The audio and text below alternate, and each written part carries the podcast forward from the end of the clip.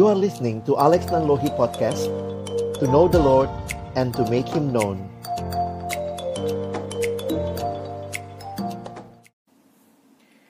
Bapa di dalam surga, kami bersyukur, berterima kasih untuk cinta kasih-Mu, untuk kesempatan malam hari ini kami boleh bersama-sama belajar kembali akan setiap kebenaran firman. Tuhan kiranya menolong di dalam kami mendengarkan, berkati seluruh koneksi kami supaya tetap bisa mendengar setiap penjelasan firman dengan baik dan akhirnya juga Tuhan tolong agar ada interaksi di antara kami untuk semakin mendaratkan materi ini, semakin memahami dan mengaplikasikannya di dalam keseharian kami. Waktu ke depan kami persembahkan ke dalam tanganmu, berkati hambamu yang menyampaikan, setiap kami yang mendengar, tolong kami ya Tuhan, agar kami bukan hanya jadi pendengar-pendengar firman yang setia, tapi mampukan dengan kuasa dari rohmu yang kudus, kami dimampukan menjadi pelaku-pelaku firman-Mu di dalam hidup kami, di dalam keseharian kami. Bersabdalah ya Tuhan kami umat-Mu sedia mendengarnya dalam satu nama yang kudus, nama yang berkuasa, nama Tuhan kami Yesus Kristus. Kami menyerahkan pemberitaan firman-Mu. Amin. Shalom teman-teman sekalian. Kita bersyukur kesempatan ini dengan tema yang juga diberikan bagi saya ini menjadi satu penguatan ya buat kita sama-sama untuk melihat kembali bagaimana relasi di dalam isolasi. Secara khusus dalam konteks teman-teman adalah uh, eh, PPKK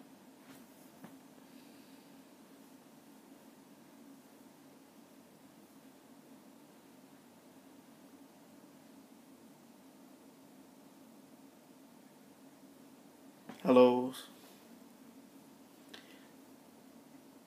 okay. sorry. Maaf, sudah bisa dengar lagi ya. Jadi, uh, saya pikir tema malam ini akan sangat ber, berhubungan gitu ya dalam kaitan teman-teman adalah pemimpin kelompok kecil dan juga pengurus di pelayanan kampus baik di FTUI yang mengadakan Eh, Google Meet ini, pembinaan ini maupun juga saya lihat ada beberapa teman baik dari fakultas yang lain di UI maupun juga dari uh, Pontianak ya yang hadir bersama-sama dari Untan. Nah, teman-teman, saya ingin mengajak kita memikirkan memang menarik ya situasi-situasi yang kita alami akhir-akhir ini termasuk dengan Covid ini makin membuat kita memikirkan mendalam harusnya begitu ya saya coba lihat beberapa fenomena yang terjadi, apa yang terjadi dengan persekutuan online dan seterusnya. Lalu juga akhirnya belajar untuk melihat bahwa eh, tidak mudah ada hal-hal yang memang hilang, tetapi juga ada hal-hal yang Tuhan izinkan kita uh, tetap bisa nikmati. Dan ini akan membawa kita makin melihat lebih dalam lagi sebenarnya relasi itu seperti apa sih gitu ya. Nah, saya mau mulai dengan uh, pendekatan uh, Alkitab buat kita sendiri untuk memahami akan hal ini kita harus bicara tentang manusia terlebih dahulu ya. Nah, saya ingin mengajak kita melihat next slide please. Jadi saya mulai dengan slide ini. Ini kalimat dari Johannes Calvin atau John Calvin. Dia mengatakan true wisdom consist in two things. Knowledge of God and knowledge of self. Jadi sebenarnya di dalam kekristenan kita bisa memahami siapa Allah dengan penyataan Allah yang menyatakannya kepada kita dan ketika Allah menyatakan dirinya kepada kita, kita bisa kenal Dia, tetapi yang menarik bahwa melaluinya pun kita bisa mengenal diri kita, ya. Itu yang Tuhan karuniakan kepada kita. Nah, jadi jadi kebijaksanaan yang sejati true wisdom consists in two things, knowledge of God and knowledge of self. Nah, pertanyaan kalau kita bicara tentang manusia. Kalau sekarang kita coba pikirkan lebih jauh tentang manusia, maka pertanyaannya adalah next slide. What makes you special? Apa sih yang membuat kita melihat manusia ini begitu spesial? Jadi waktu kita melihat sama lah ya kalau kita beli benda-benda elektronik kalau kalian mau tahu apa kegunaannya, bagaimana penggunaan benda itu, maka biasanya menyertainya ada buku manual. Nah, waktu mau mengerti tentang manusia, teman-teman harusnya bisa melihat, memahami, kita perlu kenal siapa yang menciptakan kita. Ya, what makes you special? Next.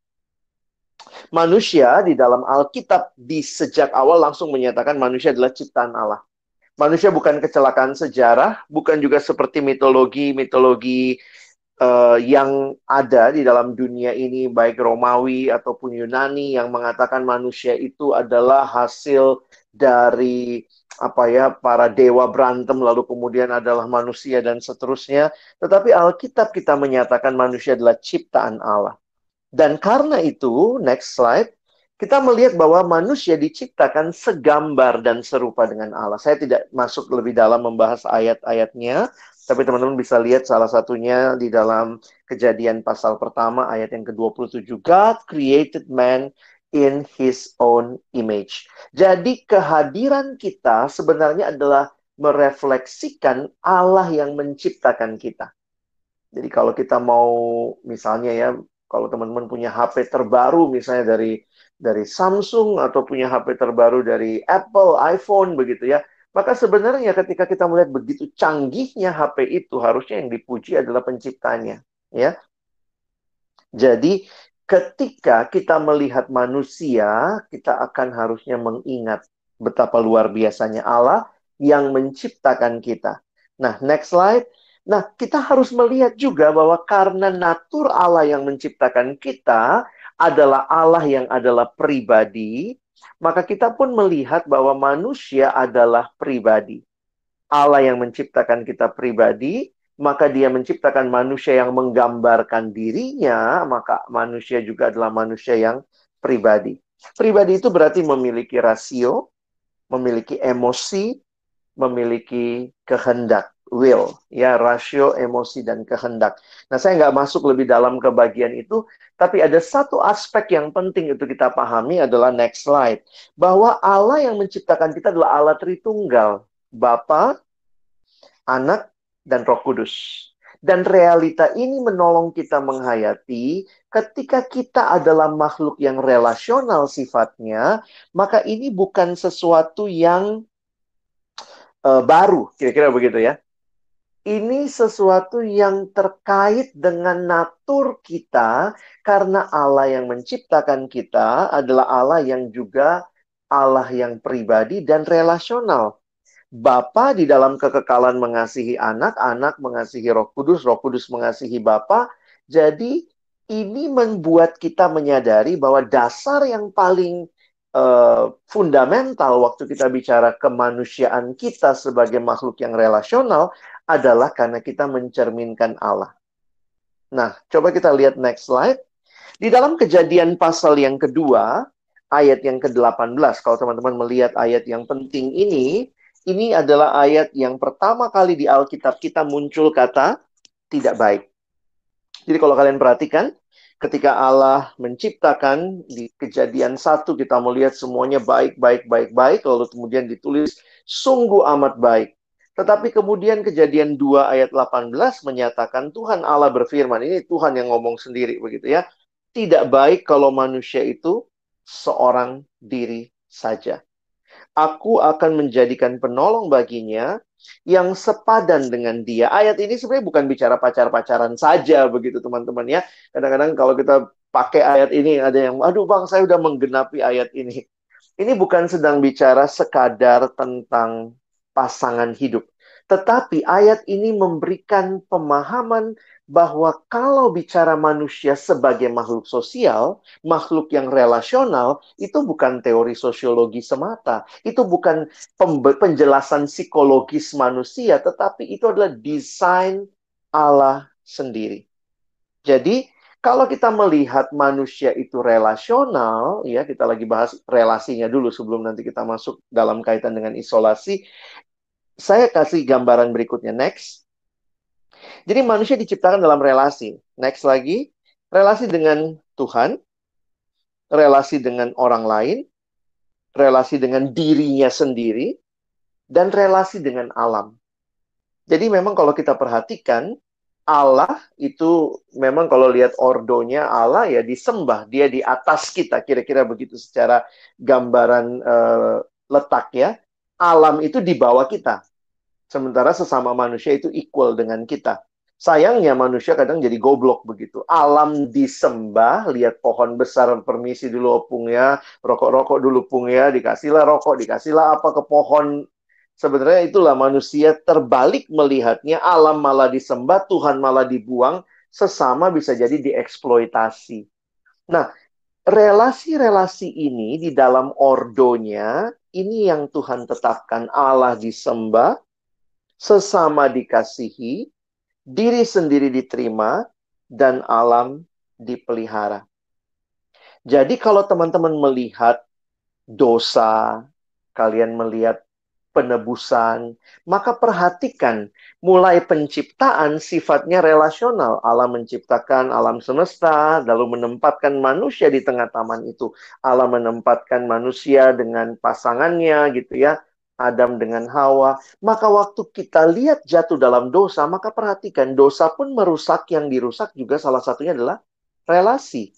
Relasional sifatnya. Adam menyalahkan Hawa dan seterusnya dan ini semua sifat-sifat yang relasional dan alam yang harusnya dipelihara, dijagai, malah disembah dan bahkan dirusak, dieksploitasi dan seterusnya. Jadi uh, saya ingin mengajak kita untuk memahami bahwa sifat relasional manusiawi kita itu itu berasal dari Allah yang menciptakan kita. Jadi makanya tidak ada manusia yang bisa bilang saya nggak butuh orang lain tidak ada bayi yang begitu lahir langsung bisa beli susunya sendiri. Tidak ada. Kita membutuhkan orang lain. Karena itulah uh, desain awalnya Tuhan menciptakan kita. Kalau anak komputer bilangnya itu default settingnya gitu ya. Jadi kalau kita dikembalikan ke desain awal ya ini default settingnya. Nah karena itu saya mau masuk ke berikutnya next. Maka sebagaimana setiap manusia yang lahir ke dalam dunia pasti lahir dalam sebuah keluarga. Betul ya? Setiap manusia yang lahir dalam dunia, dia pasti punya keluarga. Tidak ada yang bilang, wah saya nggak punya bapak sama ibu begitu ya. Itu cuma Adam sama uh, Adam lah yang nggak punya orang tua begitu ya, sama Hawa kira-kira begitu ya. Tetapi setiap kita di dalam uh, hukum alam yang berlang berlaku, kita pasti punya keluarga, kita punya orang tua.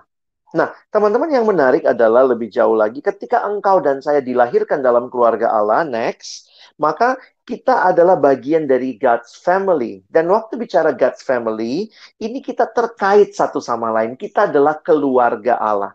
Sebagaimana orang tua secara fisik rindu anaknya bertumbuh, maka Allah pun rindu kita mengalami pertumbuhan.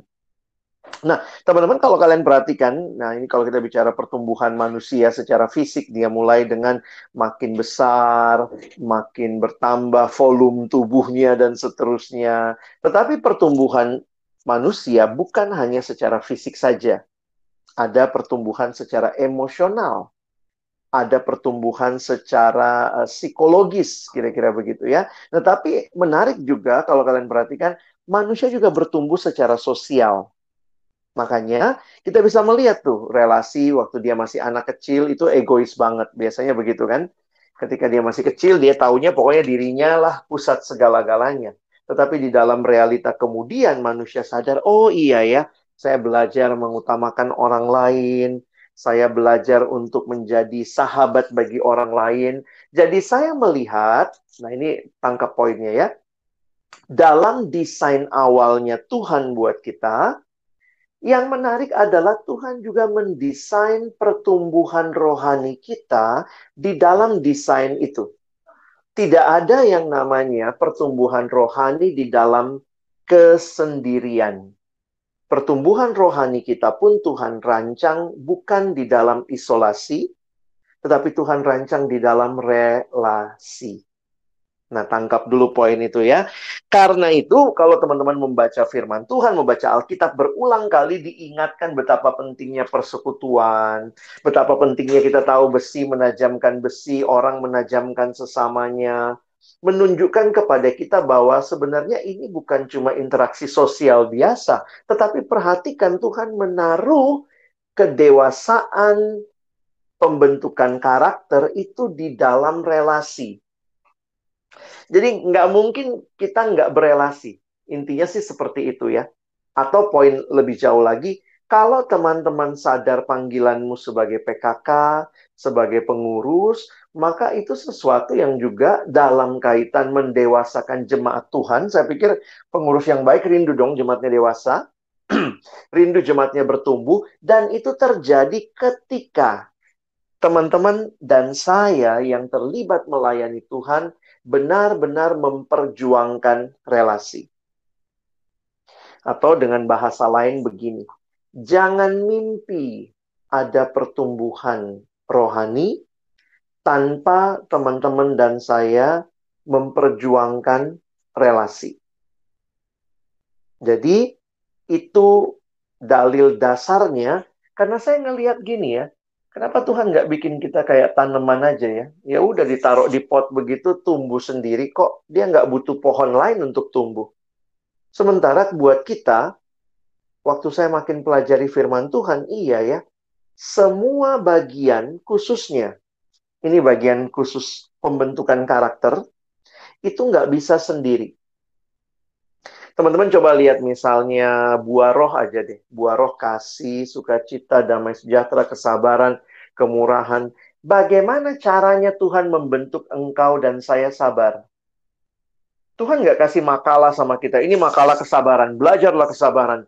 Tuhan tidak memberikan seperti itu. Tetapi Tuhan memberikan orang-orang di sekitar kita yang mungkin menolong kita supaya lebih sabar begitu ya. Jadi ada satu waktu pengurus datang sama saya, dia marah-marah gitu. Bang Alex, saya mau protes. Saya pikir masuk pengurus itu suasananya surgawi, ternyata nerakawi. Saya bilang, kamu kenapa? Iya bang, dia ketemu satu teman pengurus dan kayaknya mereka tuh nggak pernah cocok satu, nggak pernah satu pendapat. Jadi di rapat itu mereka sering berdebat. Lalu akhirnya kemudian dia bilang nih, gue mau keluar aja deh dari pengurus bang. Capek gue sama dia setiap kali aku ngomong, pasti dia bantah dan seterusnya. Terus kemudian saya bilang sama dia, Sebenarnya coba pikir, Tuhan lagi bentuk apa buat kamu? Saya tanya, kamu pernah nggak doa minta kesabaran? Pernah bang. Nah ini nih, Tuhan kasih kamu orang yang bikin kamu nggak sabaran. Karena kamu nggak bisa belajar sabar, tanda kutip ya, dengan belajar ke dalam. Makanya kekristenan mengenal pertumbuhan rohani itu bukannya pergi ke gunung bertapa, tidak ketemu siapa-siapa, lalu di sanalah kamu makin sabar, makin rendah hati. Enggak, yang ada di gunung bertapa mah cuma monyet doang gitu kali ya. Tetapi ketika engkau dan saya mau bertumbuh dalam karakter, dalam buah roh, di dalam keserupaan dengan Kristus, maka Tuhan mengutus engkau ada di tengah-tengah relasi. Gimana caranya rendah hati? Ya mesti ketemu orang yang di dalamnya kamu bisa ngeliat gitu. Makanya saya bersyukur gitu ya. Setiap akhir kepengurusan, waktu saya jadi pengurus, saya juga minta teman-teman saya untuk sharing. Bukan cuma apa program yang sudah kita selesaikan. Tetapi setelah selesai kepengurusan, dalam kelompok-kelompok yang kecil, biasanya per seksi gitu ya, per bidang, mereka sharing. Apa yang Tuhan bentuk bagi saya selama kita bersama-sama? Terus ada yang bilang, iya nih gue makin rendah hati deh. Gue pikir dulu gue anaknya cukup rendah hati. Ternyata gue waktu mimpin, gue berasa nih, iya gue belajar waktu itu. Uh, teman ini yang ngasih tahu lu jangan sombong. Oh iya ya. Terus kemudian ada lagi yang bilang, iya nih gue makin belajar sabar dari dia gitu ya. Karena ada teman yang ribet banget gitu ya. Aduh mau bikin sesuatu tuh ribet banget. Tapi ada yang sangat easy going. Ada yang belajar, iya ya gue belajar santai dari dia Maksudnya nggak semua hal juga kita bisa kendalikan sendiri. Jadi teman-teman, kekristenan tidak hanya bicara harus berelasi. Ayo jadi pemerhati gitu ya. Saya lihat di IG IG kalian eh, POFT jadi pemerhati, tetapi itu adalah bagian pertumbuhan rohani yang Tuhan berikan. Jadi saya mau menariknya lebih dalam sehingga ketika kita melihat bagaimana Tuhan sendiri ketika dia mau membentuk murid. Nah, ini untuk yang PKK-PKK kalau kita belajar pemuridan, saya melihat adalah Tuhan Yesus datang loh jadi manusia. Berbicara di bahasa yang sama dengan kita, berinteraksi, berelasi. Kadang mikir gitu, kenapa sih Tuhan mesti capek-capek? Harusnya bisa aja kan dari surga kirimin makalah, ini ya, makalah untuk menjadi uh, pemimpin kelompok kecil, menjadi pembuat murid, tetapi Tuhan sendiri datang menunjukkan bahwa ada relasi yang tidak tergantikan. Jadi saya berharap kita paham betul bahwa ini sebuah keniscayaan harus ada begitu ya. Bahwa di dalam membentuk meregenerasi, di dalam kita bertumbuh, di dalam kita makin kenal Tuhan, kita butuh komunitas. Nanti kalau kalian lihat slide saya, saya nggak bisa bahas semua, tapi ada bagian dari slide saya yang menarik di bagian akhir. Mungkin nanti kalian bisa cek aja. Ada kalimat begini ya, saya kutip dengan kalimat dari Timothy Keller. Timothy Keller mengatakan peran komunitas Kristen, kita tidak dapat mengenal Allah terpisah dari komunitas kita tidak dapat mengalami perubahan yang dalam terpisah dari komunitas. Dan kita tidak dapat memenangkan dunia ini tanpa komunitas. Saya ulang ya. Apa peran komunitas Kristen menurut Timothy Keller? Dia menjabarkannya dengan tiga poin. Pertama, kita tidak dapat mengenal Allah terpisah dari komunitas. Kita tidak dapat mengalami perubahan yang dalam terpisah dari komunitas dan bahkan kita tidak dapat memenangkan dunia ini tanpa komunitas. Kadang kita mau Tuhan rindu agar gerejamu jadi garam dan terang, dunia mengenal Tuhan. No, without community, we can do nothing. Kenapa? Udah begitu desainnya Allah buat kita. Karena itu saya mau masuk next slide. Nah, teman-teman, salah satu yang penting menjadi pengurus dan juga jadi PKK sebenarnya teman-teman sedang berjalan bersama. Journey together.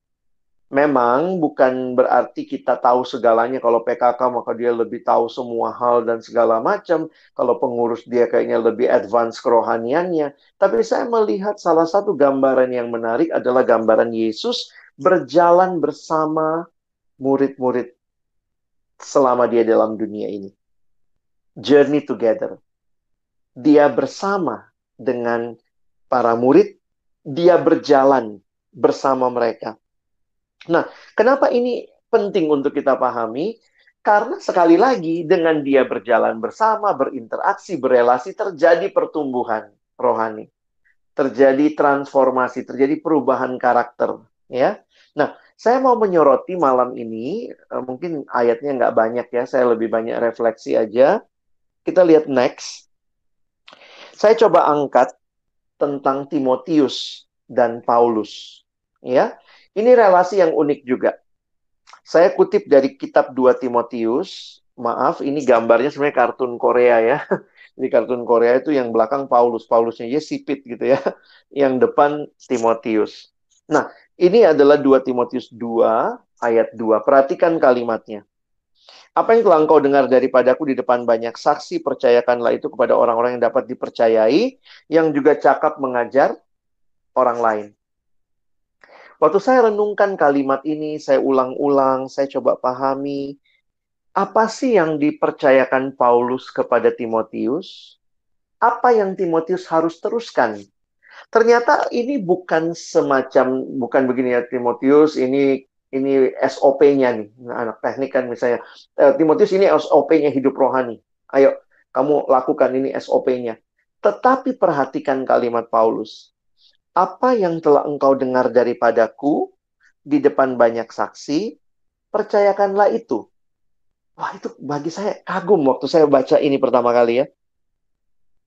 Injil itu menyatu dengan hidup Paulus. Jadi teman-teman jangan berpikir bahwa Paulus melihat ini hidupku, nah ini Injil nih. Injil ini sesuatu yang saya mau sampaikan. Tetapi Paulus melihat bahwa Injil itu menyatu dengan hidupnya. Sehingga dia bilang sama Timotius, apa yang harus kau teruskan adalah lihat hidupku. Yang telah kau dengar daripadaku di depan banyak saksi. Percayakanlah itu. Jadi saya melihat sebenarnya luar biasa ya pelayanan Paulus dan Timotius relasional, beritanya itu pun relasional karena ini bukan berita yang jadi objek yang disampaikan, tetapi berita itu telah menyatu dengan diri Paulus. Sehingga dia berkata, yang kau dengar, itu yang kau sampaikan. Jadi saya pikir pelayanan mahasiswa tidak salah ketika kita memprioritaskan, memfokuskan kepada, next slide, pemuridan. Ya, teman-teman, kita fokus kepada pemuridan. Dan kalau kita lihat di dalam pelayanan biasanya di UI kita gaungkan juga bahwa kelompok kecil tulang punggung pelayanan. Pemuridan adalah tulang punggungnya. Karena itu kita serius. PKK dibina, PKK disiapkan, disemangati, pengurus juga serius gitu ya jadi pengurus-pengurus biasanya anak-anak yang ikut kelompok kecil ditawarkan jadi pengurus terlibat untuk juga memastikan pemuridan berjalan. Kenapa? Karena kehidupan beriman itu sekali lagi relasional. Tidak cukup hanya dibicarakan, tapi perlu ditransfer. Harus ada hidup yang dibagikan. Jadi di sini yang dibagikan pemahaman, teladan, pengalaman iman. Jadi ini ada interaksi yang utuh. Ayatnya dari mana? Ini 2 Timotius 3 ayat 10 dan 11. Next slide. Nah, teman-teman lihat ayatnya ya. Ini balik lagi nih Paulus sama Timotius ya. Nah, saya kutip di sini tetapi engkau telah mengikuti ajaranku. Perhatikan nih ya. Waktu kita bahas uh, bulan lalu saya sempat bahas ini ya. Tetapi engkau telah mengikuti ajaranku. Ini ku yang pertama, yang kedua, cara hidupku, ketiga pendirianku, keempat imanku, kelima kesabaranku, keenam kasihku, dan ketujuh ketekunanku. Memang benar, waktu Paulus menulis kitab 2 Timotius, Timotius telah bersama Paulus kurang lebih 16 tahun jadi tim pelayanannya Paulus. Jadi makanya Paulus bisa berkata begini kepada Timotius, engkau sudah ikut hidup ajaranku. Teman-teman kalau cuman ajaran, sebenarnya bisa aja ya, saya khotbah begini, kalian tahu ajaran saya. Tetapi bagaimana kamu ngerti pendirianku, imanku, kesabaranku? Ini adalah sebuah relasi. Nggak bisa cuman Ya, kalian, oh ya Bang Alex ada bikin podcast dengerin, selesai. Oh, ini kita denger sesuatu. Oh, Bang Alex ngajarnya begini. Kamu bisa tahu ajaran saya, tapi kamu bisa tahu cara hidup saya, pendirian saya lebih dalam ketika kita punya relasi yang dalam atau hidup bersama. Nah, bagi saya menarik sekali, Paulus mengingatkan Timotius. Tim, engkau kan sudah ikut ajaranku, cara hidupku dan ini kesempatan Timotius mengingat kembali dan hidup dengan meng, apa terinspirasi dari yang terjadi. Jadi relasi yang dalam penting teman-teman. Karena itu pun juga meregenerasikan pelayanan. Perhatikan bahkan Paulus pernah ngajak Timotius. Next slide. Ayat 11 Paulus bilang begini. Engkau telah ikut menderita penganiayaan dan sengsara seperti yang telah kuderita di Antioquia dan di Iconium dan di Listra. Semua penganiayaan itu kuderita dan Tuhan telah melepaskan aku daripadanya. Jadi teman-teman waktu saya memperhatikan ini, kesimpulan saya sederhana begini ya, bahwa kita tidak mungkin mengatakan kita melayani Tuhan, terlibat dalam pelayanan Tuhan kepada jiwa-jiwa, kalau kita nggak berelasi. Karena itu melekat pada natur diri kita, melekat kepada pertumbuhan rohani kita dan bagaimana juga kita menumbuhkan kerohanian orang lain. Jadi jujur aja nih, kalau kita bicara keengganan kita untuk berelasi, sebenarnya bisa jadi itu adalah tabiat manusia lama kita yang masih diikat oleh dosa yang fokusnya adalah keegoisan diri sendiri. Tidak heran ketika Tuhan Yesus mencoba uh, memberikan kesimpulan dari seluruh hukum Allah, maka dia mengatakan hukum Allah yaitu kasihi Tuhan Allahmu dengan segenap hatimu, dengan segenap akal budimu dan seterusnya, dan kasihilah sesamamu manusia. Saya kutip kalimat John Stott untuk ayat ini. Next. John Stott mengatakan sebagaimana ikan dibuat untuk air, umat manusia dibuat, kita tuh didesain to love God and to love others. Nah ini, jadi love others ini bukan masalah personality kali ya. Saya harap kita nggak berlindung di balik personality. Gue introvert bang, aku agak susah nih mulai duluan percakapan. Memang, tapi kamu mesti belajar aduh bang aku nih tipenya agak melankolik aku nggak bisa nih deketin orang dan segala macam aku orangnya cuek bang flekmatik banget teman-teman jangan berlindung di, di balik kelemahan karakter kita atau kelemahan temperamen kita atau personality type kita karena sebenarnya kalau kita mau sungguh-sungguh jadi murid Yesus ingat loh kalimat ini kasihi Tuhan Allahmu kasihi sesamamu. Dan kasihi sesama itu wujudnya nanti kita lihat sama-sama ya. Coba kita lihat next slide. Bahkan di 1 Yohanes pasal 4, nanti kalian bisa baca ayat 11 dan 12, bukti kita mengasihi Allah adalah mengasihi sesama. Jadi, uh, saya coba menghayati nih ya tema kita malam ini jangan fokus ke isolasinya, tapi sebenarnya kita harus fokus ke relasinya karena sebenarnya relasi itu yang Tuhan berikan buat kita.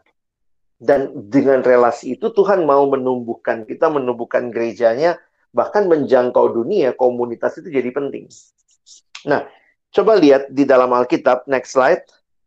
Ada begitu banyak kalimat saling Nanti teman-teman bisa cari. Ini beberapa yang abang tulis sebenarnya dalam, dalam bahasa Inggris ya. Ini one anothering. Jadi apa artinya one another, one another. Dan banyak tuh. Jadi saya jujur aja waktu memeriksa, jangan-jangan saya cukup egois kali ya. Kenapa? Saya nggak mau terlibat dalam hidup orang. Saya nggak mau membuka diri saya supaya orang juga masuk dalam hidup saya. Itulah cirinya manusia modern yang kita bilang ya kita makhluk yang individual, tetapi sebenarnya bukan seperti itu kekristenan. Kekristenan berkata, engkau diciptakan Allah bagi sesamamu. Karena itu, kehadiranmu penting buat sesama dan kehadiran sesama penting buat kita. Ini listnya banyak nih ya be devoted, menerima satu sama lain, care for one another, saling mengampuni, saling mengaku dosa, saling mendoakan, saling melayani, saling mengasihi banyak. Kalau kurang banyak nih saya tambahin, lihat slide berikutnya. Silahkan screenshot sendiri nih. Kalau kita mau bicara kekristenan mengatakan kita serius loh dengan perintah kasihilah sesamamu manusia.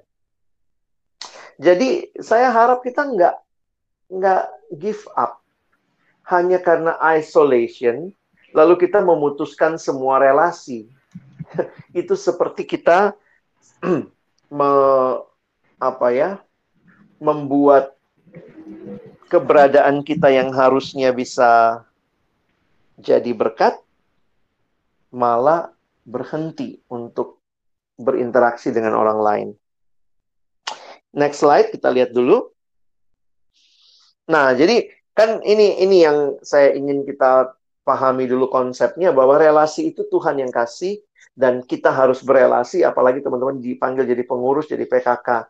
Nah, mungkin yang jadi pertanyaan kita sekarang kok gimana nih? Bukankah kita lagi dalam isolasi? Next slide. Next lagi. Nah, lihat nih. Bagaimana upaya yang saudara lakukan untuk membangun relasi dalam persekutuanmu, dalam PM kamu, dalam POFT-mu, dalam PMK Untan. Teman-teman pengurus, teman-teman kan PKK. Apa upaya yang kamu lakukan di saat ini ketika kesannya kita harus dikarantina di rumah kita masing-masing? Saya pikir kalau kita bisa jawab pertanyaan ini, sebenarnya konsep utamanya yang saya pikir adalah kita tidak mematikan relasi. Tetapi kita harus mengupayakan relasi dengan berbagai cara. Karena tetap saya melihat relasi jadi bagian penting. Nah, teman-teman saya coba melihat begini ya dari tadi waktu saya persiapan saya mikir gitu ya. Sebenarnya gimana sih ya waktu kita bicara Tuhan berkomunikasi dengan manusia. Karena biasanya begini, kita sering kali berpikir hanya ada satu cara komunikasi. Hanya ada satu cara berelasi. Caranya apa? Bertatap muka. Karena itu yang kita lakukan selama ini. Saya tidak mengatakan tatap muka tidak penting. Tapi dalam situasi kayak begini kan nggak mungkin kita tatap muka. Nah, apa yang akhirnya muncul dalam benak saya, pemikiran saya, saya melihat Tuhan kita, Tuhan tuh kreatif loh teman-teman. Jadi saya coba menghayati dari pagi gitu ya, waktu nyiapin ini, kayak apa sih Tuhan berelasi dengan manusia? Akhirnya saya melihat ada tiga hal, ya, walaupun ini mungkin bisa kita diskusikan lebih jauh. Yang pertama, next, Tuhan berbicara sepanjang zaman juga melalui nabi-nabinya. Salah satunya adalah dengan written word. Jadi uh, written word itu ya ada tulisan, ada surat. Nah, Tuhan berkomunikasi memberikan firman-Nya kepada kita. Ada yang bentuknya puisi. Untung juga ya, uh, bukan untung lah ya, itulah anugerah Tuhan. Alkitab kita tuh kayak jenis sastra, jandranya banyak. Bayangkan kalau Alkitab kita cuma isinya hukum. Bayangkan Alkitab kita setebal itu isinya uh, janganlah ini, janganlah ini, janganlah ini. Ini boleh, ini boleh, ini boleh, ini jangan, ini boleh, ini jangan. Ya duh, kalau kayak begitu mah males juga baca Alkitab kali ya. Tapi Alkitab kita ada cerita. Di dalamnya ada juga bukan cuma cerita, tapi juga ada ada puisi buat teman-teman yang lebih melankolis kayaknya kitab Mazmur tuh pasti berbekas dan berkesan. Jadi Tuhan tuh kreatif. Tuhan bicara dengan written word. Firman yang tertulis. Yang kedua, nah saya pikir jangan lupa next Tuhan bicara kepada kita dalam spoken word. Nah, ini jadi menarik juga nih bahwa perhatikan berkali-kali di Alkitab juga dikatakan dengarlah Dengarlah, dengarlah. Berarti Tuhan berbicara. Di dalam tradisi waktu itu, kita tetap mesti ingat ya, bahwa Alkitab sebelum ditulis pun itu ada tradisi lisan. Jadi ada spoken word. Jadi eh, Nabi itu ngomong. Dia ngomong. Jadi sebenarnya juga menarik ya kalau kita bicara firman Tuhan firman Tuhan bahasa Inggrisnya itu kalau kalian hayati berarti God's word. Kan kita bilangnya gitu ya. Kalau itu God's word, firman atau perkataannya Allah, contoh, perkataan Bang Alex. Saya Alex, saya mengatakan sesuatu. Perkataan, maka kalau saya mengatakan sesuatu, bagian kalian apa? Dengar dong. Karena kan saya mengatakan sesuatu. Harusnya didengar.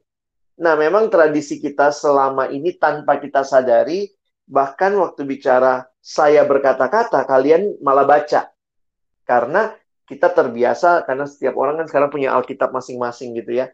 Tapi jangan lupa loh, Tuhan bukan hanya berbicara dengan uh, written word. Bahkan kalau nanti teman-teman pelajari tradisi orang Yahudi, orang Yahudi itu tidak pernah baca Alkitab dalam hati. Maaf, maksudnya apa tuh?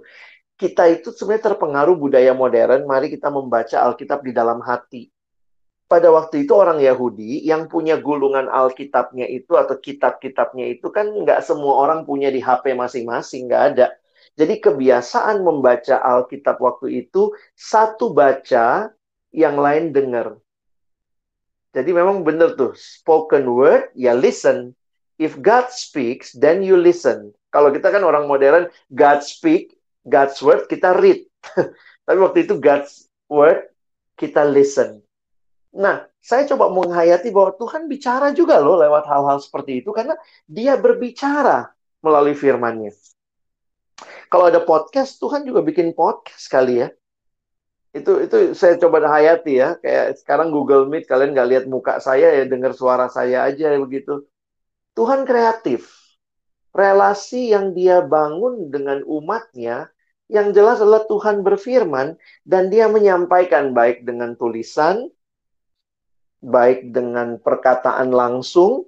Makanya kan nabi-nabi itu suka keliling lalu mengatakan kalimat-kalimat dari Tuhan.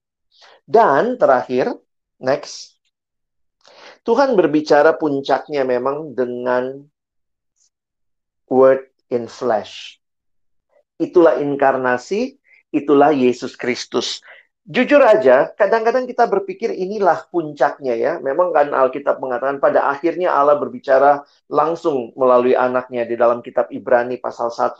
Tapi saya mau hayat memberikan pemahaman begini. Bahwa ini semua bentuk komunikasi relasi Allah kepada kita. Tuhan pakai written, Tuhan pakai spoken, Tuhan bahkan hadir di dalam anaknya. Nah, sekarang pertanyaannya, sering kali tanpa kita sadari kita mengagungkan satu bentuk. Tatap mukalah segalanya. Betul, pasti tatap muka punya kekuatan. Tapi ketika situasi seperti ini, makanya banyak orang yang mati gaya. Begitu isolasi, langsung nggak tahu. Kelompok kecil nggak jalan, udah susah berelasi kayaknya awkward ngirim voice notes gitu ya.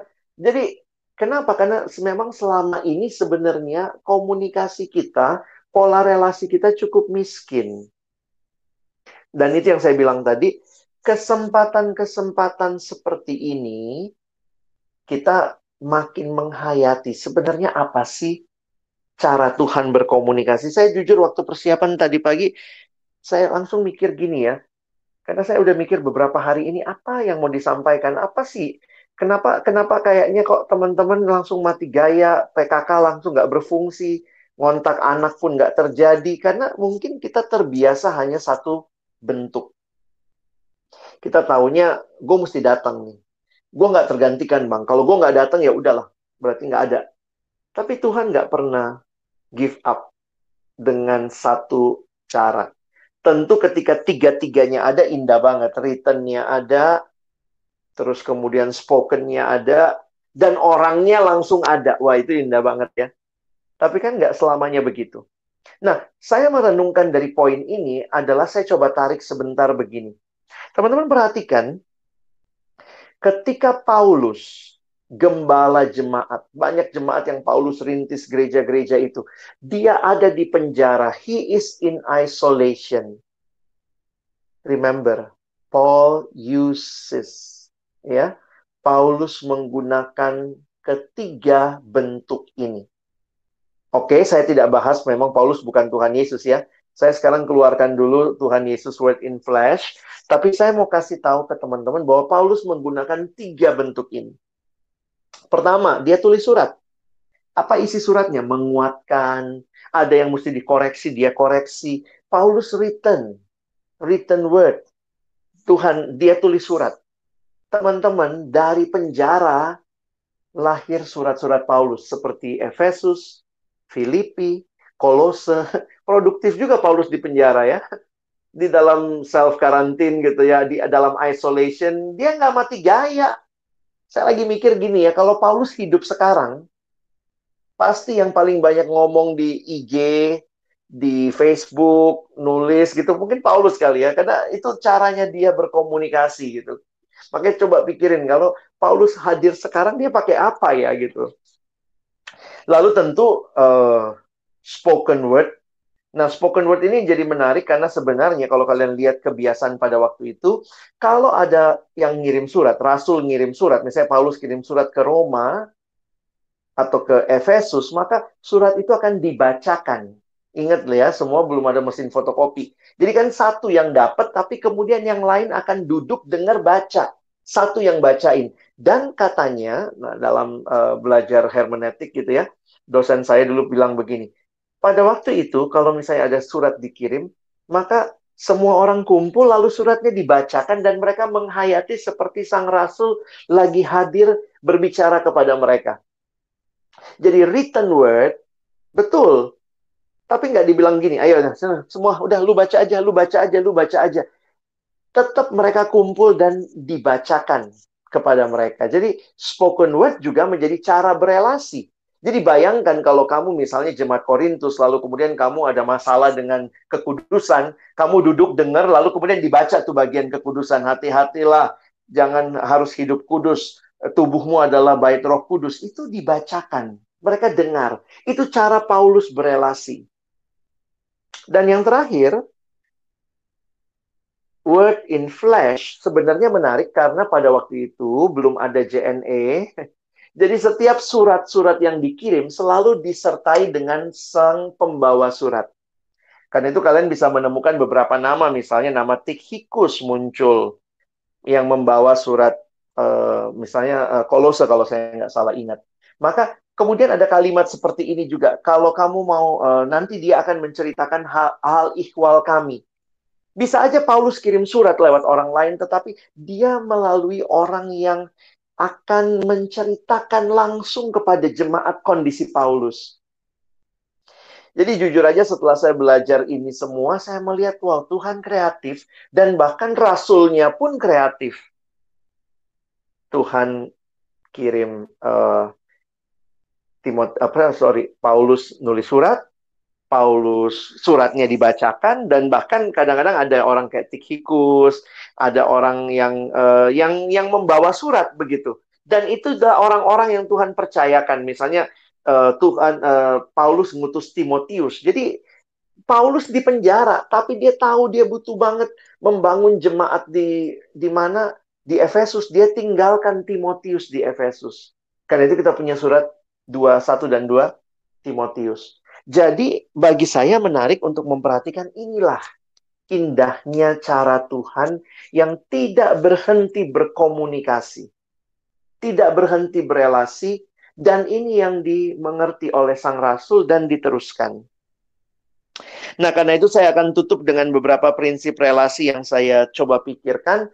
Dan teman-teman saya mungkin nggak kasih tips-tips yang gimana banget ya, karena saya pikir kalian lah yang paling tahu kali ya bagaimana berelasi dengan generasimu sekarang. Mungkin kamu bilang agak awkward bang awal-awalnya ya ya jalanin dulu gitu jangan gara-gara awkward lalu nggak lakukan begitu.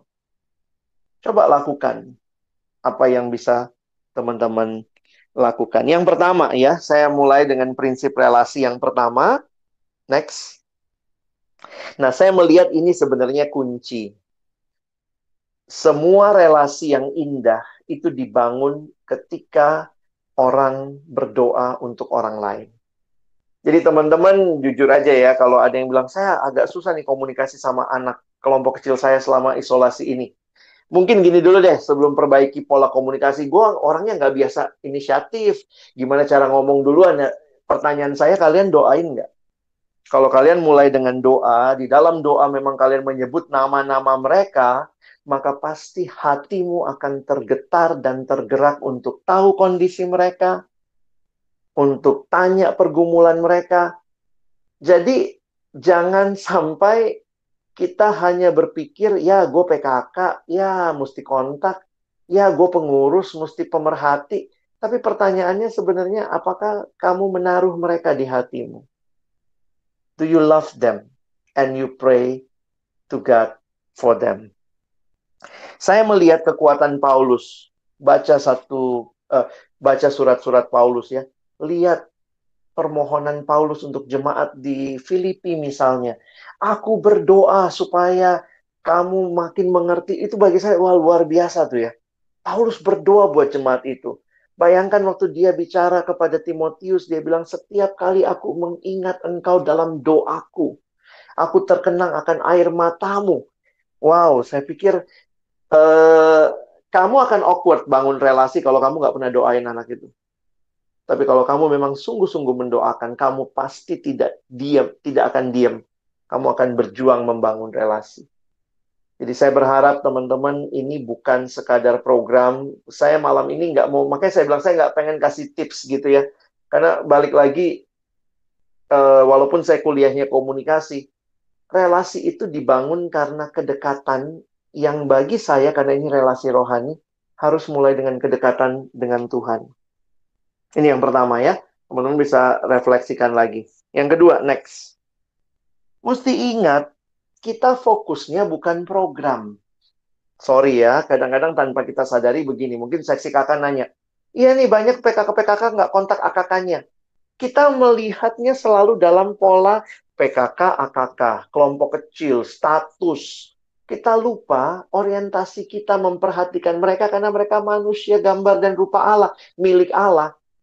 Jadi kalau kita bisa melihat adik kelompok kecil kita lebih daripada sekadar hubungan PKK AKK, jadi jangan sampai kita orientasinya kepada program supaya nanti laporan gua, gua dibilang PKK yang baik, tetap kelompok kecil loh kami, kami Zoom meeting, kami apa. Fokusnya adalah benar-benar ada hidup yang dibagikan, man oriented, woman oriented. Fokusnya bukan kepada program terlaksana, tapi fokusnya kepada Tuhan, aku udah bertumbuh nih, nikmatin pertumbuhan. Aku pengen loh dia kenal Tuhan juga. Dan pas dia PKK ku, eh pas dia AKK ku. Nah itu jadi sesuatu yang lebih lebih indah daripada sekadar kita terbebani dengan PKK AKK. Next, yang ketiga. Mari seperti Paulus, atau bukan cuman Paulus ya, seperti Allah lah ya. Allah yang gunakan berbagai media yang ada tertulis, pakai suara gitu ya. Dan aku aku melihatnya gini teman-teman ya. Semua yang Tuhan lakukan sekarang itu extensify gitu. Kita bisa rekam suara disebar ke mana-mana. Kita bisa uh, nulis tulisan kita bisa diposting di mana aja. Nah, jadi sebenarnya kan nggak susah ya ngontak AKK ya. Kan tinggal ngetik chat gitu ya. Atau kalau malas ngetik ya kirim voice note kayak gitu ya. Atau kalau ada pulsa lebih ya telepon gitu ya. Gimana ya? Uh, dan mungkin kita nggak bisa hadir in person. Tapi bagi saya dengan teknologi ini ya bisa tatapan muka melihat lagi ngapain atau apa itu satu hal yang yang indah yang Tuhan juga berikan tentu itu tidak menggantikan pertemuan fisik. Tetapi jangan karena nggak ada pertemuan fisik, lalu semua kita jadi mati gaya dalam relasi. Ya, yang kita fokus adalah isolasi, gitu ya. Sehingga saya masuk dua prinsip terakhir. Next. Ini prinsip relasi tentang engagement, ya. Jadi bagaimana juga kita kalau nanti misalnya masuk lebih dalam, ini bukan basa-basi gitu ya bukan basa-basi uh, lu udah baca chat gua nggak? Gua udah chat lu ya yang penting udah beres nih. Tugas gua udah udah ngechat. Lu nggak bales ya udah terserah lu. Tapi kalau kita engagement itu kita masuk lebih dalam. Ada interaksi yang utuh. Termasuk waktu kalian jadi PKK ingat bukan cuma yang penting udah nyampein bahan udah selesai lah. Nanti gua lapor seksi kakak gua bahan gua udah kelar. Tapi mungkin kita masuk lebih dalam peduli dengar cerita mereka situasi kayak begini banyak orang yang punya pergumulan yang tanpa dia sadari. Mungkin awalnya malas cerita, tapi ketika kita menunjukkan intensi kita mau peduli dengan dia, mau terlibat dengan hidup dia, saya pikir Tuhan akan buka buka buka kesempatan ya. Saya punya pengalaman juga gitu ya. Saya bukan tipe orang yang gampang deket dengan orang di awal gitu. Jadi waktu mulai mimpin kelompok kecil tuh bingung gitu. Mesti nanya ya mesti kasih tahu dia, tanya gimana. Waktu itu sampai saya, teman-teman kan saking bingungnya, saya bikin list pertanyaan tuh saya ingat. Waktu zaman saya kan belum ada HP, belum ada ini, jadi kami telepon tuh. Jadi malam-malam telepon ke rumah dia. Halo, uh, terus saya inget tuh, bikin list pertanyaan. Pertanyaan pertama, lagi apa? Uh, udah makan malam belum? Jadi itu still saya, saya sampai nggak tahu caranya. Mungkin saya belajar tuh, belajar bikin list cetek oh ini udah ini udah ditanya nih centangnya eh, eh, apa centangnya kalau udah selesai. Tapi akhirnya saya jadi melihat iya ya kalau cuma sekedar itu saya mesti masuk lebih dalam bahwa saya peduli sama dia. Saya care sama dia dan saya jujur akhirnya menyadari sebenarnya saya punya relasi yang dalam dengan akak saya yang saya doakan secara khusus. Kalau saya doain dia sungguh-sungguh itu maka saya nikmatin tuh Tuhan kasih relasi-relasi yang dalam jadi engagement itu maksudnya kita masuk lebih dalam ya. Karena itu uh, rindukanlah relasi seperti itu dan itu bisa dibangun juga ya. Bisa dibangun dalam situasi seperti ini dengan mungkin memberi perhatian yang rutin, memberikan perhatian yang tulus kali ya. Jangan perhatian supaya kita ngelapornya enak sama seksi kakak, bukan itu, ya. Terakhir, Nah, ini kesempatan juga melakukan mentoring personal. Eh, banyak pembinaan CPKK, calon pengurus tidak terjadi lagi dalam ruangan-ruangan, tetapi sebenarnya mentoring personal. Saya bersyukur ada beberapa alumni yang mungkin ikut malam ini. Ini kesempatan kalian dampingin adik-adik, ya. Uh, not only formal meeting, ternyata jadi ada yang bilang, iya bang, kami setiap bulan ada pembinaan CPKK, kami setiap bulan ada pembinaan pengurus. Tetapi banyak interaksi-interaksi bermakna juga di dalam pertemuan-pertemuan informal. Jadi eh, mungkin teman-teman memang kita bisa jadwalin ya, oh selama eh, isolasi ini kita kelompok kecil yang formal, tapi mungkin kalaupun tidak berkelompok kecil, teman-teman bisa bisa menolong misalnya kalau pas dia adik kelas, lu ada tugas ini, uh, gue nggak terlalu paham nih. Mana tahu kita bisa menolong gitu ya. Jadi mentoring personal dalam kerohanian, mungkin mentoring personal dalam studi. Ini jadi kesempatan-kesempatan informal meeting itu membangun relasinya seperti itu. Jadi saya sungguh berharap ini hal-hal yang teman-teman bisa tambahin listnya lagi ya. Tapi ini kira-kira yang abang sempat pikirkan dan saya berdoa supaya pemahaman ini makin mendorong kita melihat betapa pentingnya pelayanan yang terus dikerjakan, relasi yang terus dibangun, karena mau nanti sudah tidak isolasi seperti ini, tetap kita mesti berelasi kok. Jadi justru dalam situasi ini seolah-olah kayak Tuhan menguji dulu nih, ayo gue pengen lihat nih lu berjuang nggak untuk relasi-relasi ini. Nah, kiranya pemahaman ini menolong kita. Jika ada yang mau bertanya, ada yang mau sharing, menambahkan, saya persilahkan. Saya berhenti sampai di sini. Silakan kalau ada pertanyaan sebelum kita tutup nanti.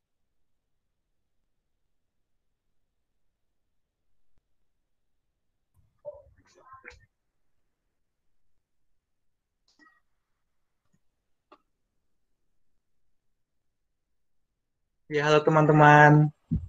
Uh, jadi seperti kata Bang Alex, mungkin yang mau memberikan pertanyaan, uh, jika malu-malu unmute suaranya, mungkin bisa diketik melalui uh, kotak pesan, atau mungkin bisa menghubungi, atau bisa langsung di sini, nggak apa-apa. Atau mungkin ada yang mau sharing dari teman-teman PKK pengurus dan teman-teman dari PMK Untan Pontianak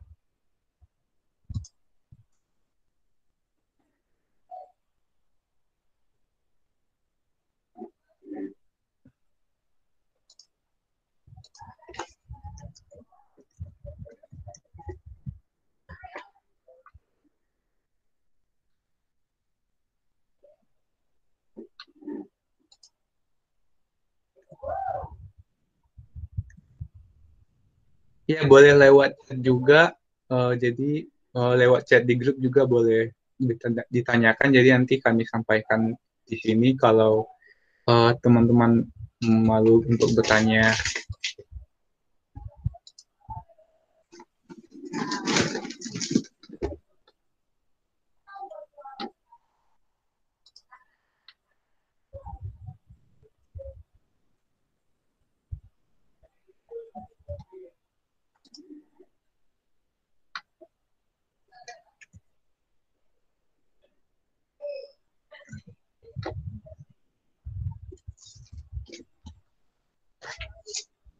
Uh, baiklah, kan, kan sebenarnya tidak ada ya. Uh, jadi kita lanjut saja. Uh, terima kasih kepada oh ada Andri.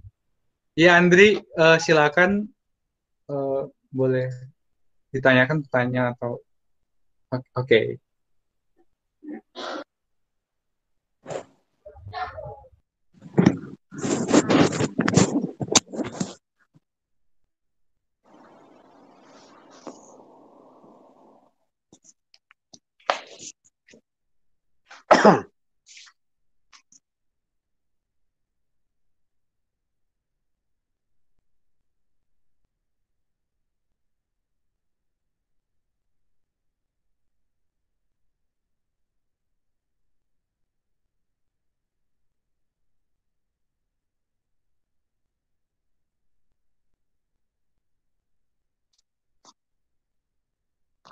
Oke, saya langsung jawab kali Nom ya, untuk Andri ya.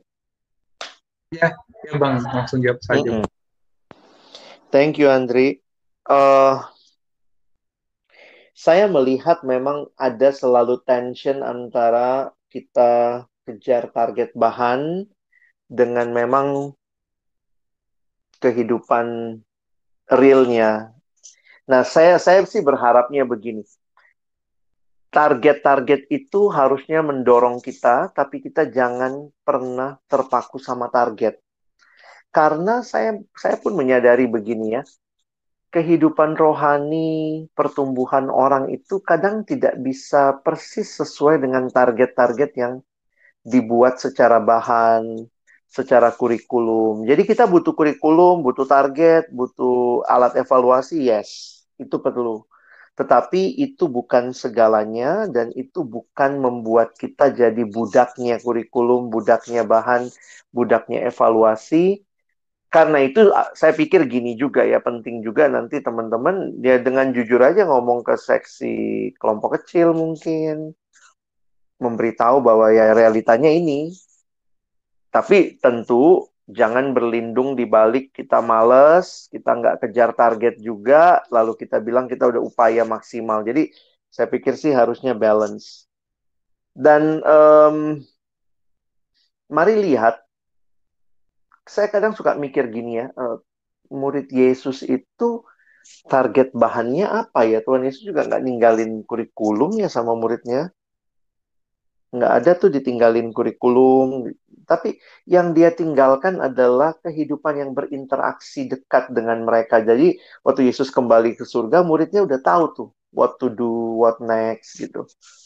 Nah ini yang kadang saya pikir uh, jangan sampai kita jadi terkungkung lah sama sistem.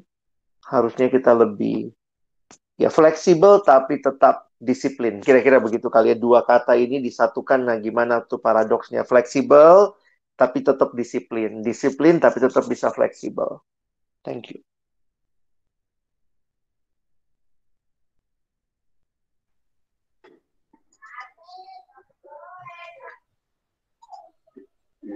Uh, ya, terima kasih Andri uh, telah mau memberikan pertanyaan.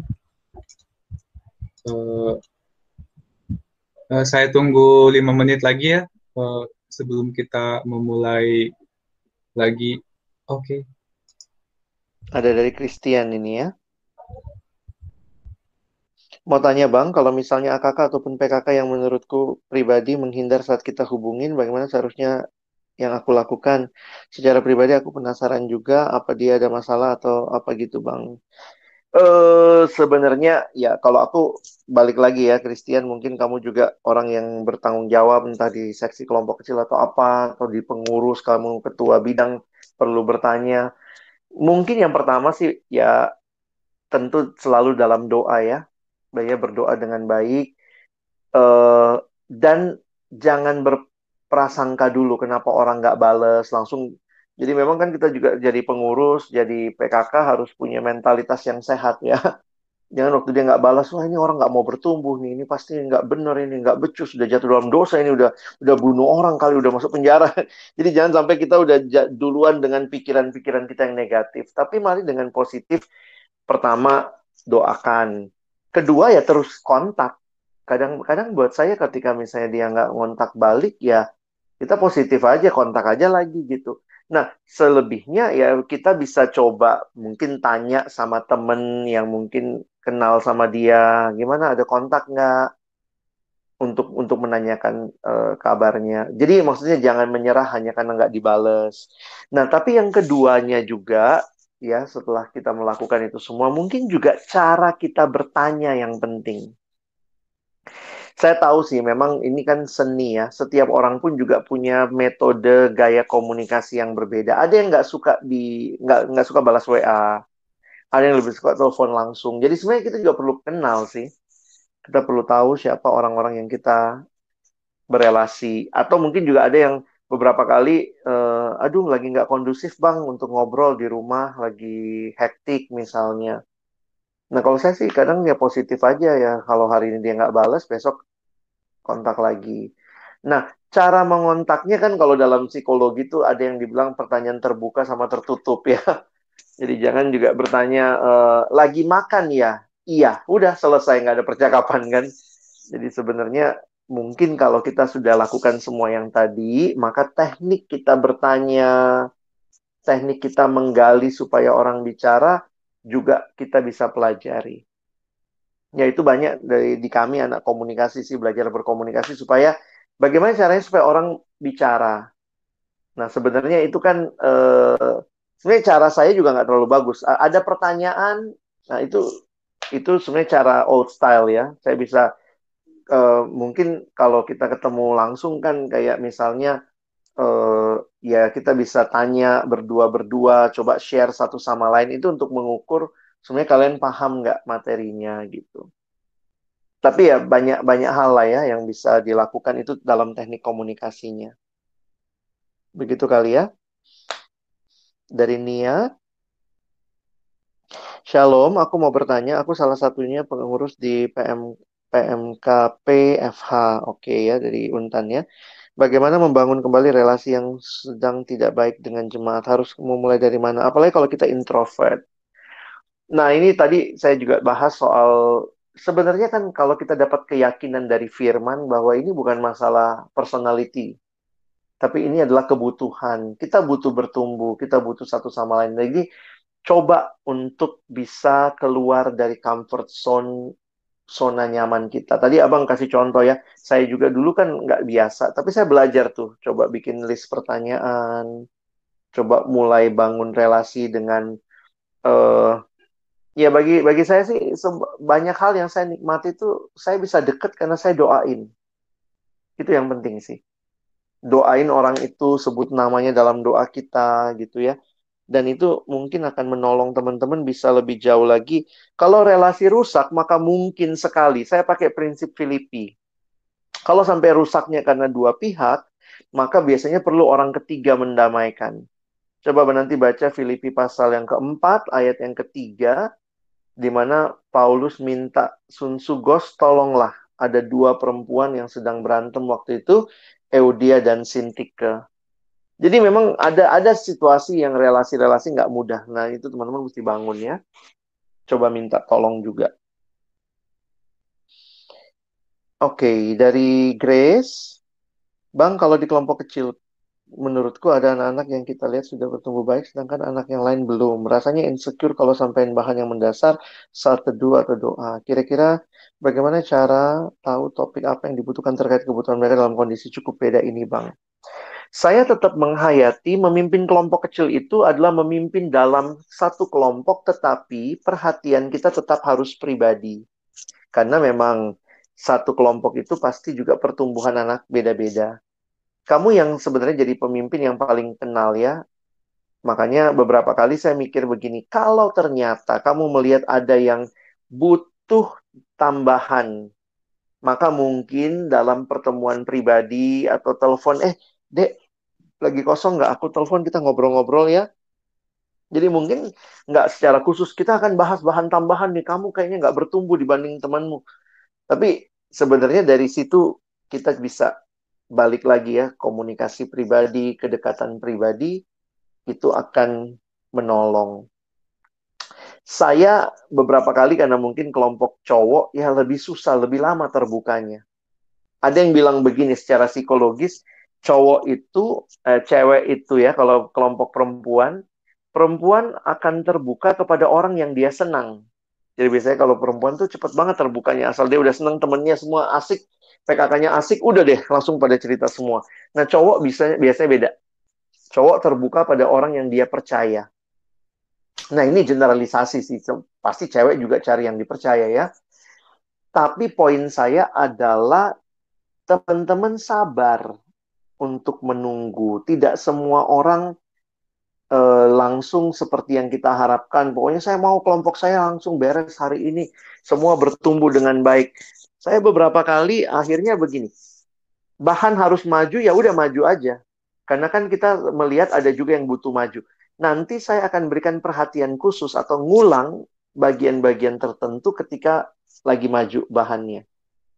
Jadi kadang-kadang memang sulit ya mau ngebelain yang mana nih yang lebih lambat atau yang lebih cepat. Nah, itu di situ saya pikir seninya jadi pemimpin. Seberapa kamu kenal anakmu, kamu doain nama Tuhan, Tuhan tolong begitu ya. Jadi kondisi yang beda itu jangan saya beberapa kali ngalamin kondisi yang beda, tapi dalam kondisi yang beda-beda itu saya minta hikmat dari Tuhan. Ini gimana nih? Maju terus nggak? Oh ini maju terus. Ini gimana yang ketinggalan? Ya udah mungkin ngobrol pribadi, tanya pribadi, kasih buku atau bahan tambahan pribadi ke dia gitu ya. Gitu kali Grace ya. Dari Jan. Aku Jan alumni UI. Halo Jan. Kalau misalnya ada kakak yang tidak suka sesi sharing kehidupan pribadi saat pertemuan kakak, gimana ya bang cara menanggapinya ya bang? Memang setiap orang itu balik lagi ya, apalagi kalau ini laki-laki butuh waktu tapi uh, saya ketemu begini. Ada orang-orang yang memang merasa hidup pribadinya bukan konsumsi publik. Nah, jadi memang dalam situasi seperti itu kita bisa mulai Ah ini banyak lah cara ya. Kalau masalah masalah cara kalian memang mesti belajar komunikasi, belajar mungkin sharingnya pakai game, misalnya truth order ya kayak gitu gitulah kan anak sekarang lebih kreatif kalian. Yuk kita sharing ya misalnya uh, jawab ya misalnya kamu sediain kartu gimana kondisi keluarga atau apa. Nah itu itu bisa dikondisikan tapi poin utamanya adalah sebenarnya begini untuk orang berani sharing kehidupan keluarganya kehidupan pribadinya kepada semua orang itu butuh waktu Makanya saya tetap menghayati pemimpin kelompok walaupun dia memimpin kelompok sebaiknya tetap punya punya waktu pribadi dengan masing-masing AKK untuk mengerti lebih mendalam pergumulan masing-masing. Dan itu memang butuh waktu yang cukup. Saya pikir sih begitu ya. Um, beberapa kali saya kalau sharing, saya biasanya udah tanda kutip ya uh, ngeliat nih, ini anak yang uh, sharing duluan. Ada ada ada yang tipe sharing ya, misalnya dia senang sharing.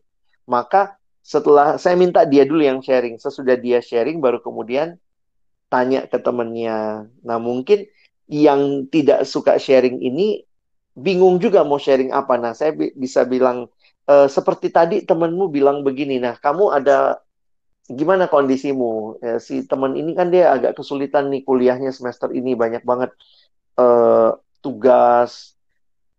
Kamu gimana? Jadi akhirnya maksudnya gini, dia diminta sharing bukan untuk mempermalukan, tapi karena temannya udah sharing. Jadi kita bisa pakai berbagai tips supaya mendorong dia untuk share. Tapi balik lagi ya, teman-teman butuh waktu untuk orang makin percaya. Oke, uh, saya nggak tahu nih ya, ini dari pengurus kalau masih boleh tanya atau tidak, terserah.